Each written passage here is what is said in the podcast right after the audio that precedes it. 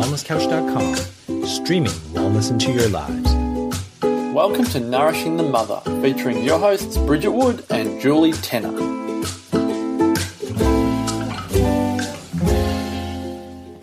Hello and welcome to Nourishing the Mother. I'm Bridget Wood. And I'm Julie Tenner. And today's podcast is the 24 7 on call duties of motherhood. So, we're just going to sort of talk about the realness of needing to wear all hats all of the time mm. and never be done, and needing to, I guess, play psychologist and mentor without a break. Yeah. And also the endless jobs that are that are staring at you from every corner of your house. Yeah, right. screaming at you, I dare say. so before we do that, I'd love to remind you to jump onto nourishingthemother.com.au and on the homepage, scroll on down past all of our downloads and podcast searches and courses that you can click into to have a look at, and you'll see a red sort of strip that says join our tribe. And you drop in there your email address, and once a fortnight, we send you a wrap up email of everything we've put out in the world so you can never miss a beat and click where you'd love to dive deeper, and then just catch up with maybe a little something that's been going on for us during the week. Mm. So, nourishingthemother.com.au, scroll down on the homepage. Mm. So, Bridge, should we start with your story? Yeah. There feels like there's so many. I know stories. but don't we all have them, right? But I guess this one I was pondering because you and I, like Jules and I, talk all the time on text, like, you know, throughout the day, often on all the different things we've got to get done as yeah. opposed to random little story shares of, of our days. And I said, Look, I'm sorry I haven't got to something. Um, Marcus worked all weekend and and you know knowing that you know I also like I'm kind of full time parenting during the week anyway. Mm. You're like fuck, I don't know how you do it, mm. and I was thinking, how do I do it without losing my shit? Like what what is it that I do to anchor into that um, place of of kind of constant parenting? Mm. Because it is such a practice, I think, to show up um, it, with as much of ourselves as possible um, without resentment, you know, when it feels like there's just too much. Mm. And so, I guess with this podcast, I really want us to both um, explore what it is that we do to resource ourselves to slip out of the resentment that can eat you up in motherhood if you don't check it, right? Mm. Mm. Um, and and at the same time, look for ways in which to create the space that we need to put back in because ultimately, you know, you, you and I always talk about it, like you can't give out if your cup is not full. So, mm. how do you do it and how do you fill it even when it feels like there's not even any time to fill it, right? Like, mm. because that is the the practice that that we're asked to dig deeper and cultivate when it feels like there's no time, when it feels like there's always washing to be folded or there's dishes to be put away or there's mm. you know something to be done that is that is demanding of us its attention Mm. So, how did you survive?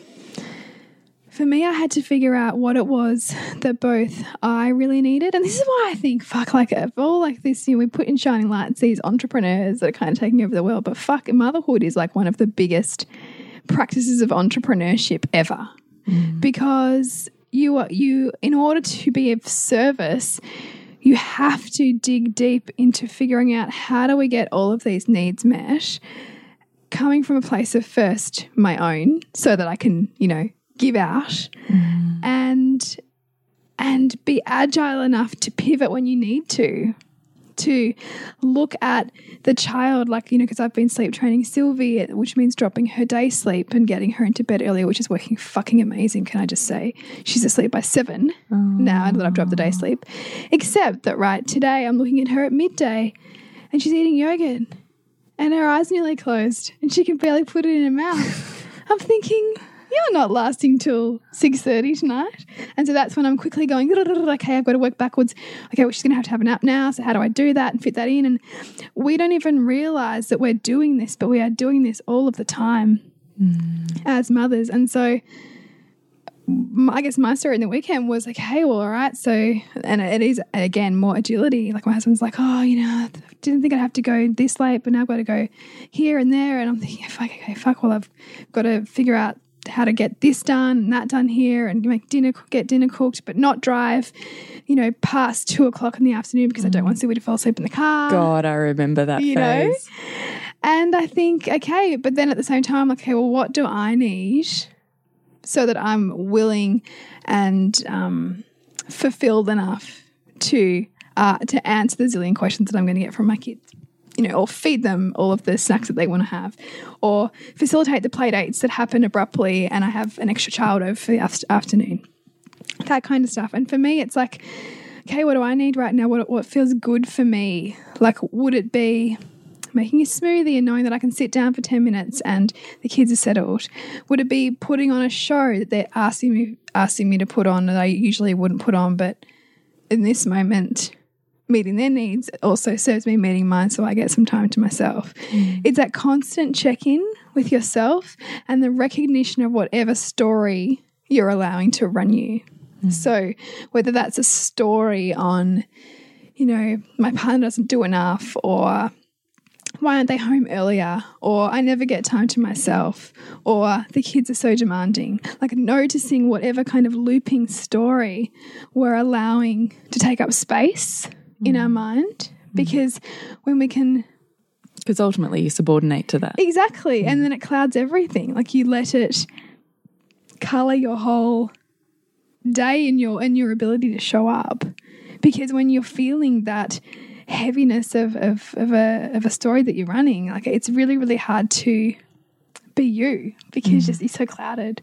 So I think that that's what that's what I try to do as much as I can. And even tonight, it was happening a little bit for me because you know he's been my husband's been working a lot, and I just don't feel like he's being appreciated enough for it. And so then I'm like thinking about all of the wow, I'm noticing my thinking and my pattern going into, well, you know, you working so much affects me because then I can't do my work and the house gets messier. And, you know, like there, there's a flow on effect. And so it's about me noticing where I'm going with that, noticing what's an authentic need to have a conversation about versus what am I just projecting onto that situation just to make it mean whatever I want it to mean.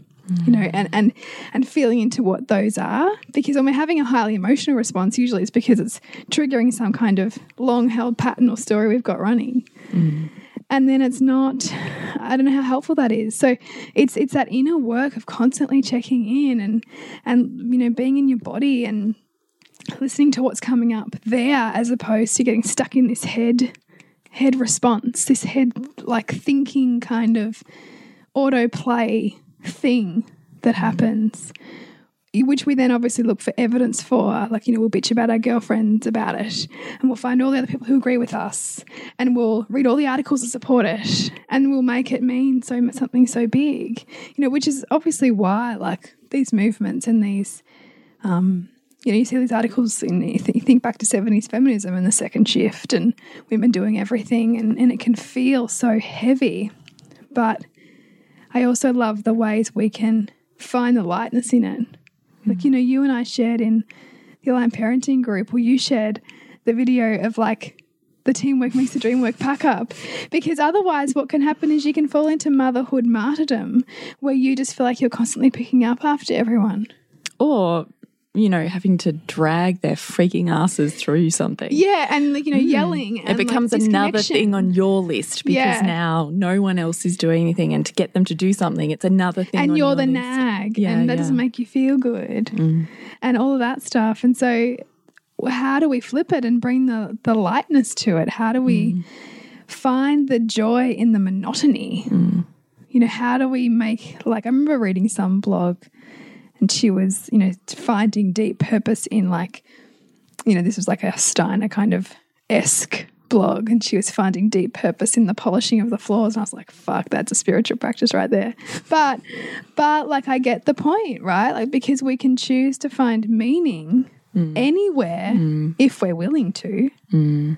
But it's when we're looking for outside references of am i okay? Is this okay? Like instead of connecting deeply within ourselves it's never going to be enough because you're looking outside of yourself for that meaning when you can look right here right now this is is a practice. This is meaningful. This is fulfilling. You know finding that within the, mon- the monotony and the mundane i think. What do you mean by finding what is meaningful in the moment? I remember like um, when I was really sinking into this as a practice a while ago, and the, this notion of like every moment being perfection, perfection as an expression of, you know, a whole The being whole. support and mm. challenge.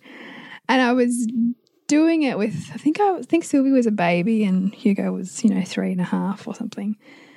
And I was doing it as a practice, okay, and this moment's perfect. You know, and then like he throws over some water. I'm like, and this this is perfect too. Like and feeling how much I could make that mean something mm. as opposed to get flustered or annoyed because it's it's it's not so much what happens, it's what we bring to what happens. I love that. I actually love that. I'm going to start using that. Well, it's just interesting, isn't Yeah. it? Because because I notice like sometimes if I'm already if the stress is already there, like Sylvie can toss something off the bench, which is, is a thing at the moment when she's having a big release. She can toss something off the bench and it can be like the straw that broke the camel's back and I'm just like, well fuck. Like, you know, Yeah. and I'm struggling, right? Yeah. Versus when I have enormous spaciousness and I can just that just rolls off me. Like I barely barely flinch Yeah. same situation, different response in me. Mm. Why the different response? And it's because whether you know of how in connection we are with ourselves and how much we're able to handle, I suppose, those outer stresses that we are constantly dealt and integrate them, find meaning in them, versus resist them or make them bigger than they need to be. All of that kind of stuff. Hmm. And you know and, and you know, even like the scrubbing of the high chair or the stuff that just feels shit. You know how is this meaningful? How is this thing that i judge as like drudgery? How can i find reward in this you know and like so you'll see those articles all popping up on facebook all the time about you know days are long and the years are short blah blah blah and I, I think that they're useful for, to give you little moments of fulfillment when it does feel hard. But I but I do wonder if, if it's as much yes reading the occasional article and also cultivating what does it look like for me to find meaning in this, to value myself enough to to allow the world to value me in this. Hmm. Because if we don't value ourselves enough in, in our role as mothers, and the world's never going to, because we're never going to see it in the world. Hmm. Whereas we is when we're choosing to value deeply, simply showing up, we will have that reflected back to us in our children, in the quality of our relationships, in the advice people seek from us. It's there. It's just what we're projecting onto it and, onto ourselves in terms of the value that we have in this incredible, powerful job as a mother. Hmm. I don't, sorry, my mind's going a thousand different places and I can't exactly hone in on where I wanted to start. I think what I really loved about what you said then was being able to consciously recognize what I guess the attributes list is that got you to a feeling of spaciousness hmm. And what that list is that got you to a feeling of nothing left hmm. in the same scenario that you'd react completely differently. So it just goes to, I feel like, builds and stacks the evidence for. So it's not the event, it's not what's happening around you, it's not your child, their behavior, they're so hard, blah, blah, blah. It's you. Hmm. And that's the importance of you. And you are the center foundation of whatever vortex or funnel or hmm. Whirlwind or calm, eye of the storm you are in, you anchor that. So, depending on where you're anchored, depends on how much havoc is wrecked around you, I think. And I think, I mean, sleep's a perfect example of this, right? Like, so if you have really high expectations of babies to sleep really, really well and to not have an awareness of their biological need to wake up, particularly as newborns or, you know, even in the first six months, then, you know, even a few wake ups a night is going to feel incredibly taxing and, and just too much and has to stop. Whereas if you surround yourself with information that, support, that supports the idea that regularly waking is normal and that you can handle it and that it's a phase and that here's a bunch of ways that you can make it easier on yourself, then that is not going to feel as hard as if you're mm. projecting onto it, well, this shouldn't be like this. Mm. And you're in your- resistance. What's your norm? Yeah, just like mm. It, sleep's not a problem until it becomes a problem for you. And then when it's a problem for you, why is it a problem for you? Like, what's feeding into that and how are you perceiving it? And, and I mean, you don't always have to do this. And there's a point What's at an which actual need versus a subordination? yeah. Or a story like you were saying when you were talking about interactions with your husband is as you're funneling and spiraling down, well, he's this and he's this and this and it means that and then, you know, and you've already gone on the trail. Yeah. Is stopping yourself enough to go, hang on a minute, let's just kind of pull this DNA apart. Well, a yeah, and, and and as soon as I started to get stuck in, like you know, fit, and also like you know, you'll you'll you'll convince yourself of certain things just to feel good about your position and your point. totally. But I could feel, even as I was saying to do that, I could could feel myself equilibrating the same time because I was being taken back to this morning when he'd said to me on the phone, "Oh, I just I went back inside and thought, what else can I do? Like, what's something, what's something else, what's something more I can do for you before I go to work?" And so it's like I didn't even have to, and I got that memory, but memory of this morning, and thought, okay, that's just reminding me that he's both right. Like the moment when I feel like I'd really love him to come home and not watch basketball, but help me. There's just mm. as many times where he has put aside his needs to help me. You know, mm. just like I'm doing the same often during the day. Sometimes I'm at my kids' beck and call, and sometimes I'm engrossed in reading something. So I'm not helping them. Mm. We're both.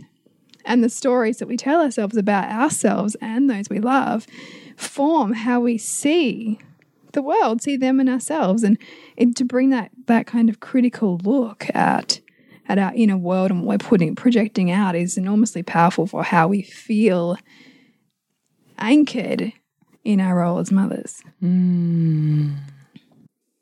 We're just taking a quick break on our conversation about 24 7 on call duties of motherhood to let you know that Loathing to Loving program has a live round coming up, and we do have monthly payment plans to split it up over 12 months.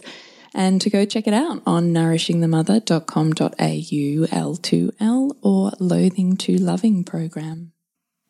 And something else I think we often find is a good way to kind of balance ourselves is to think about who might have it worse off. And so sometimes when I'm feeling really overwhelmed and unable to hold it all, I think, fuck, well, Julie's got four kids. So Wow, I'm so happy that you think that. I'm sure many of our listeners do too. yeah, it's funny actually. I um there's this dad that I often just p- cross paths with at school, and he always makes a comment about my four children. Does he? Yeah, like every single time I see him, and it just makes me giggle now because I'm like, wow. So the however many you have, you find obviously overwhelming. yeah. So the concept that I have, and he seems surprised that I look good every time. Like he just like you know like so you're not like, you know, that I don't know. your hair's not like kind of a mess and you can like you've dressed yourself Yeah. in your pajamas. and- yeah, you know, you know, hey, how you going? He goes, yeah, well, not as hands full as you, or oh. something like, you know, just like something Yeah, like that. yeah, yeah. And I do think, yeah, you know, sometimes I actually think that's a reminder to me to go, yeah, you know, I'm doing all right here, Yeah. rather than feeling like you can get just lost in it, Mm. which I do. I do ebb and flow in periods of that, and certainly cycle through it in a day. I would say as well. So.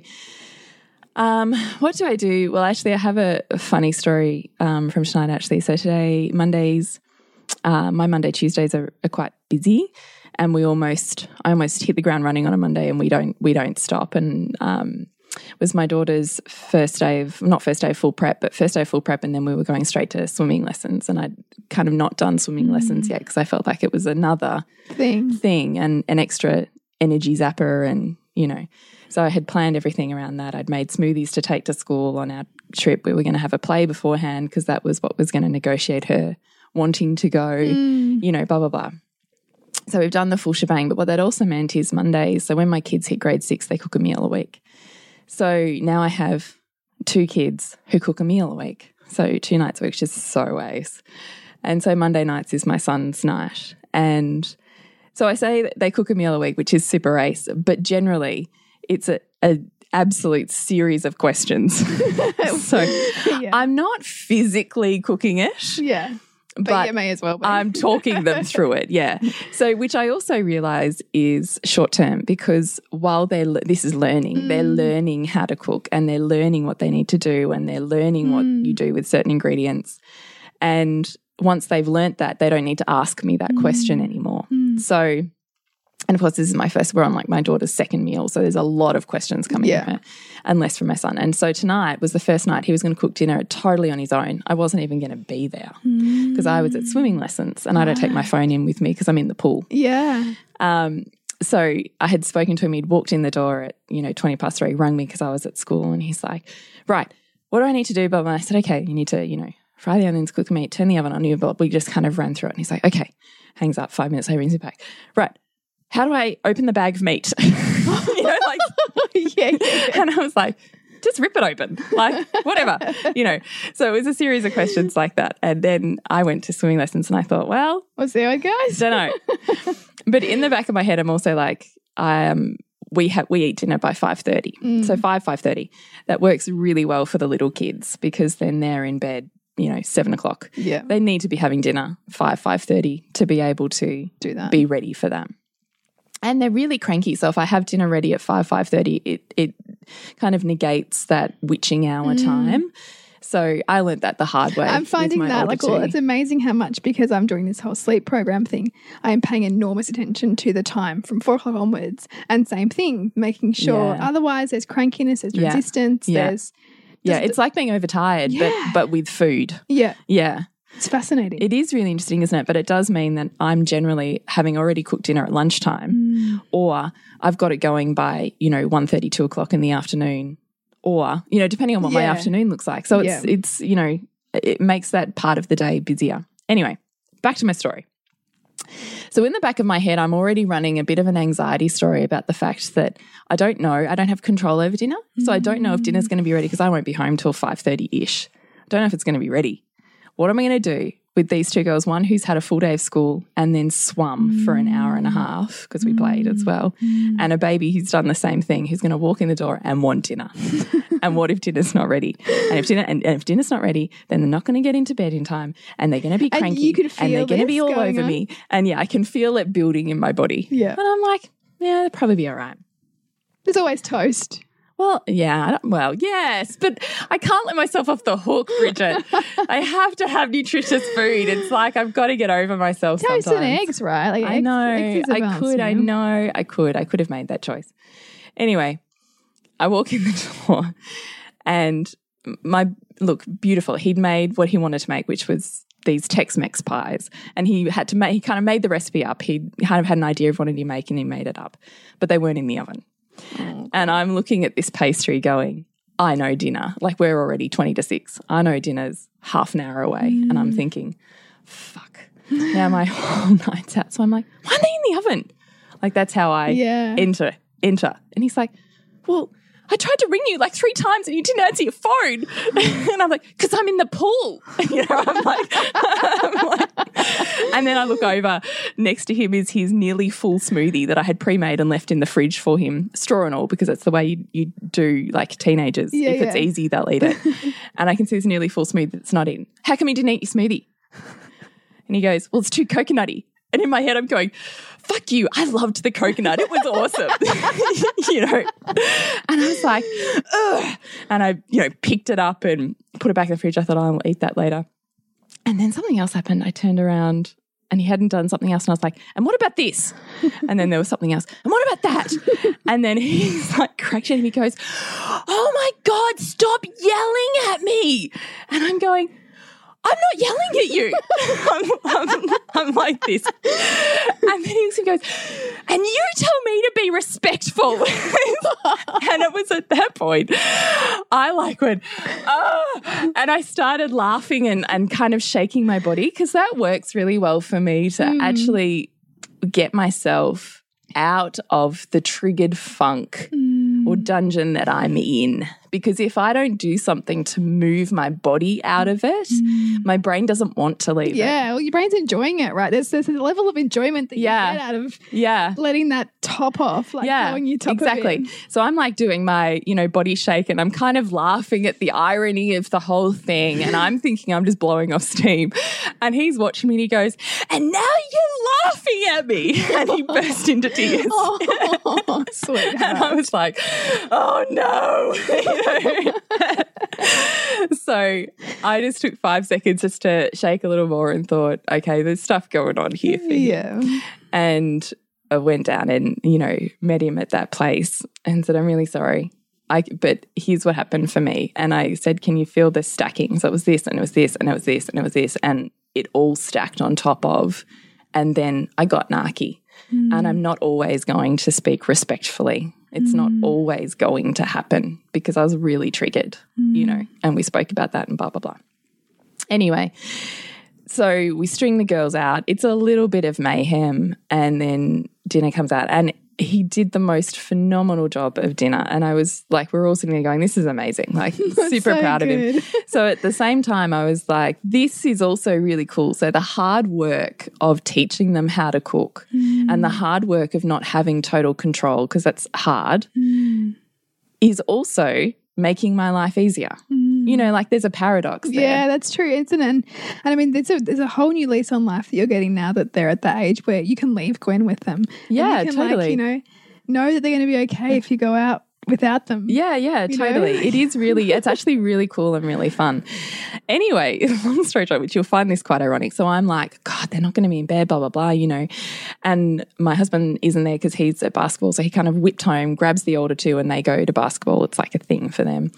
And so I'm on the like deadline of seven o'clock trying to get everybody in mm. bed reading stories and you know gwen has this bottle of milk and she was mucking around with it and i'm saying to her look are you finished or are you still going? Mm. So she eventually finishes this bottle of milk that she has and then i pick her up and she projectile vomits it all out because she'd filled up too much. And so her gag reflex as soon as i've lifted her up oh, has just like kicked in so now my perfect seven o'clock bedtime is completely shot because now I've got vomit that I have to clean up all over me, all over her, her sleep bunny, which is her one toy, all over her sleeping bag, which Oh, is her. shit. Every, Um, every crutch that you rely on okay, that she has. this is what I'm saying.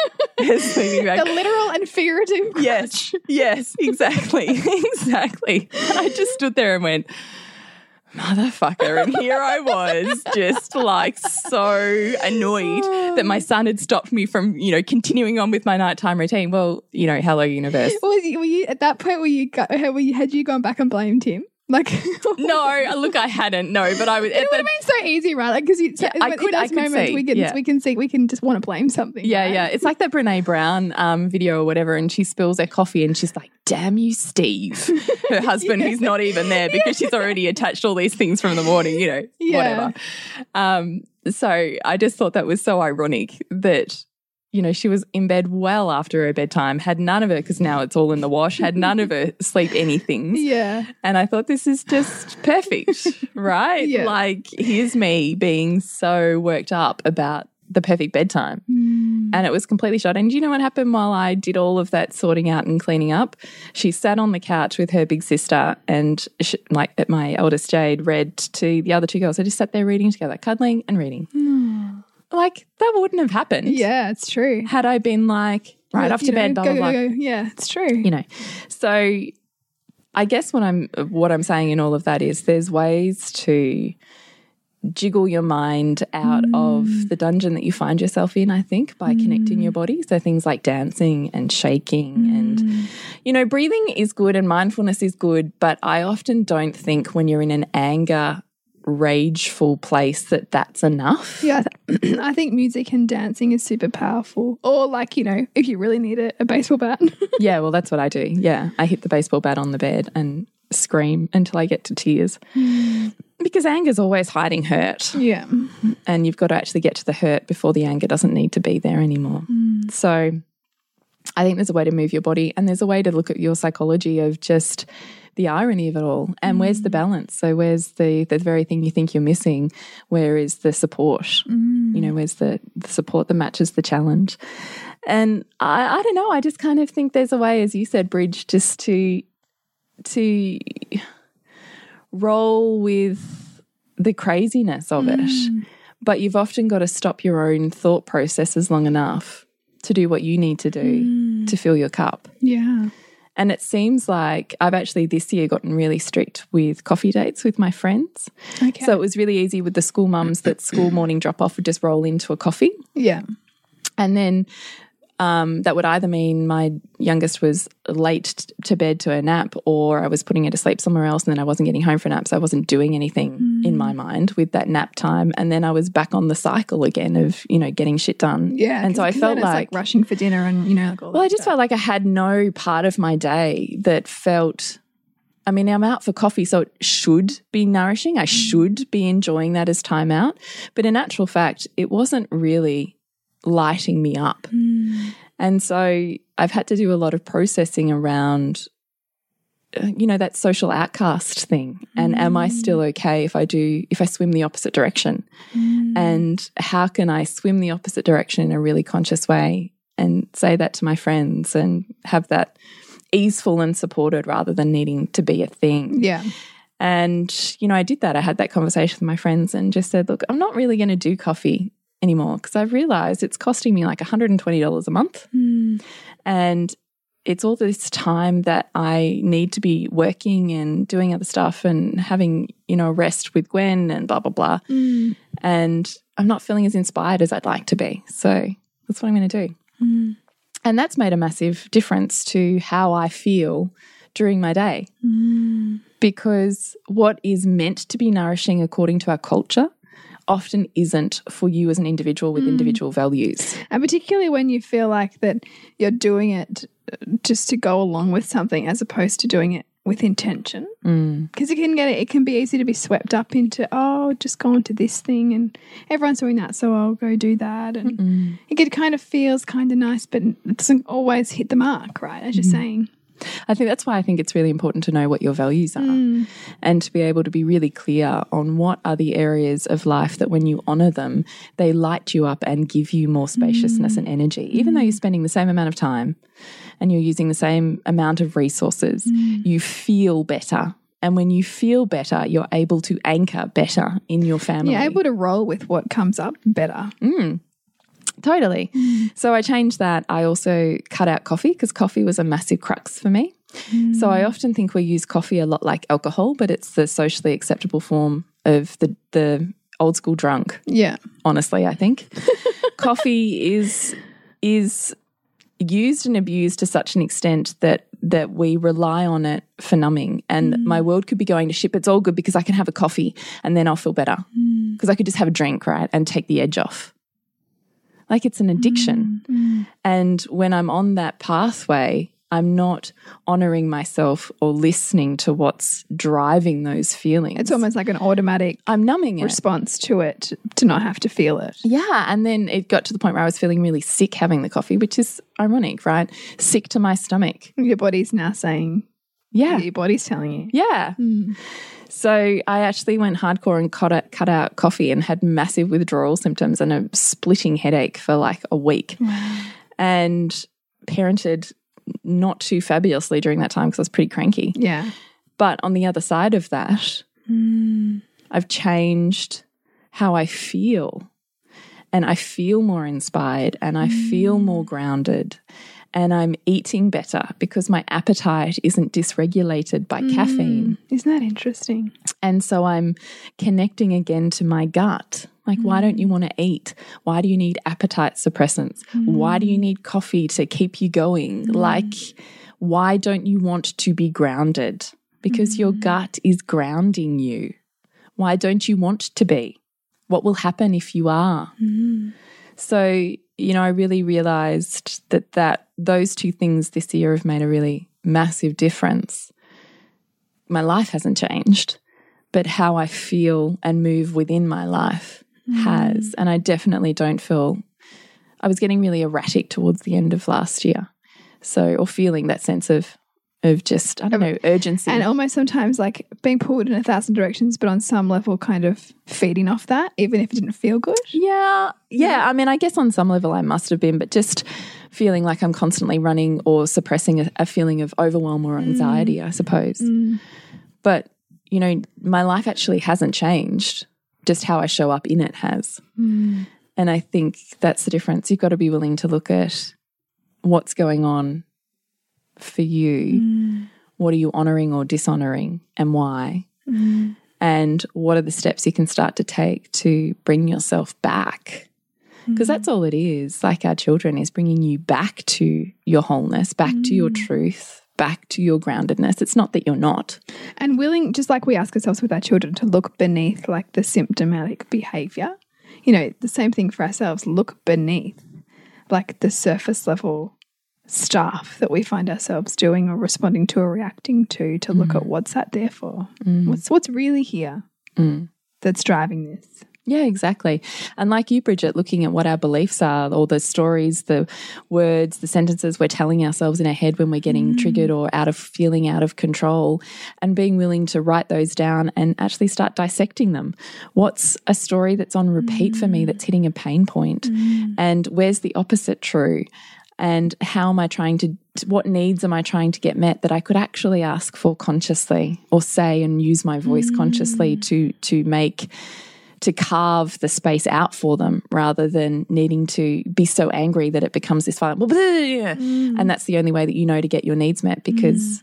now you're resourceless. Now there's nothing left. Now there's you know that there's a way to get that done Yeah. consciously before you get there And and sometimes if we're not paying attention, if we're not giving it consciously, some part of us kind of knows we need to or knows we're compelled to, but we're not doing it. The people around us will get us there. You know, you, you'll be called to put attention there because you haven't done it for yourself. Mm. And sometimes that can come gently, and sometimes that can come with like you know a brick, like, mm. depending on on what it is for us. And that's interesting to reflect on too. You know, why is this coming up with this, that, and the other person? Mm. What's here for me? Mm. as opposed to making it about that person or making it not important. Totally.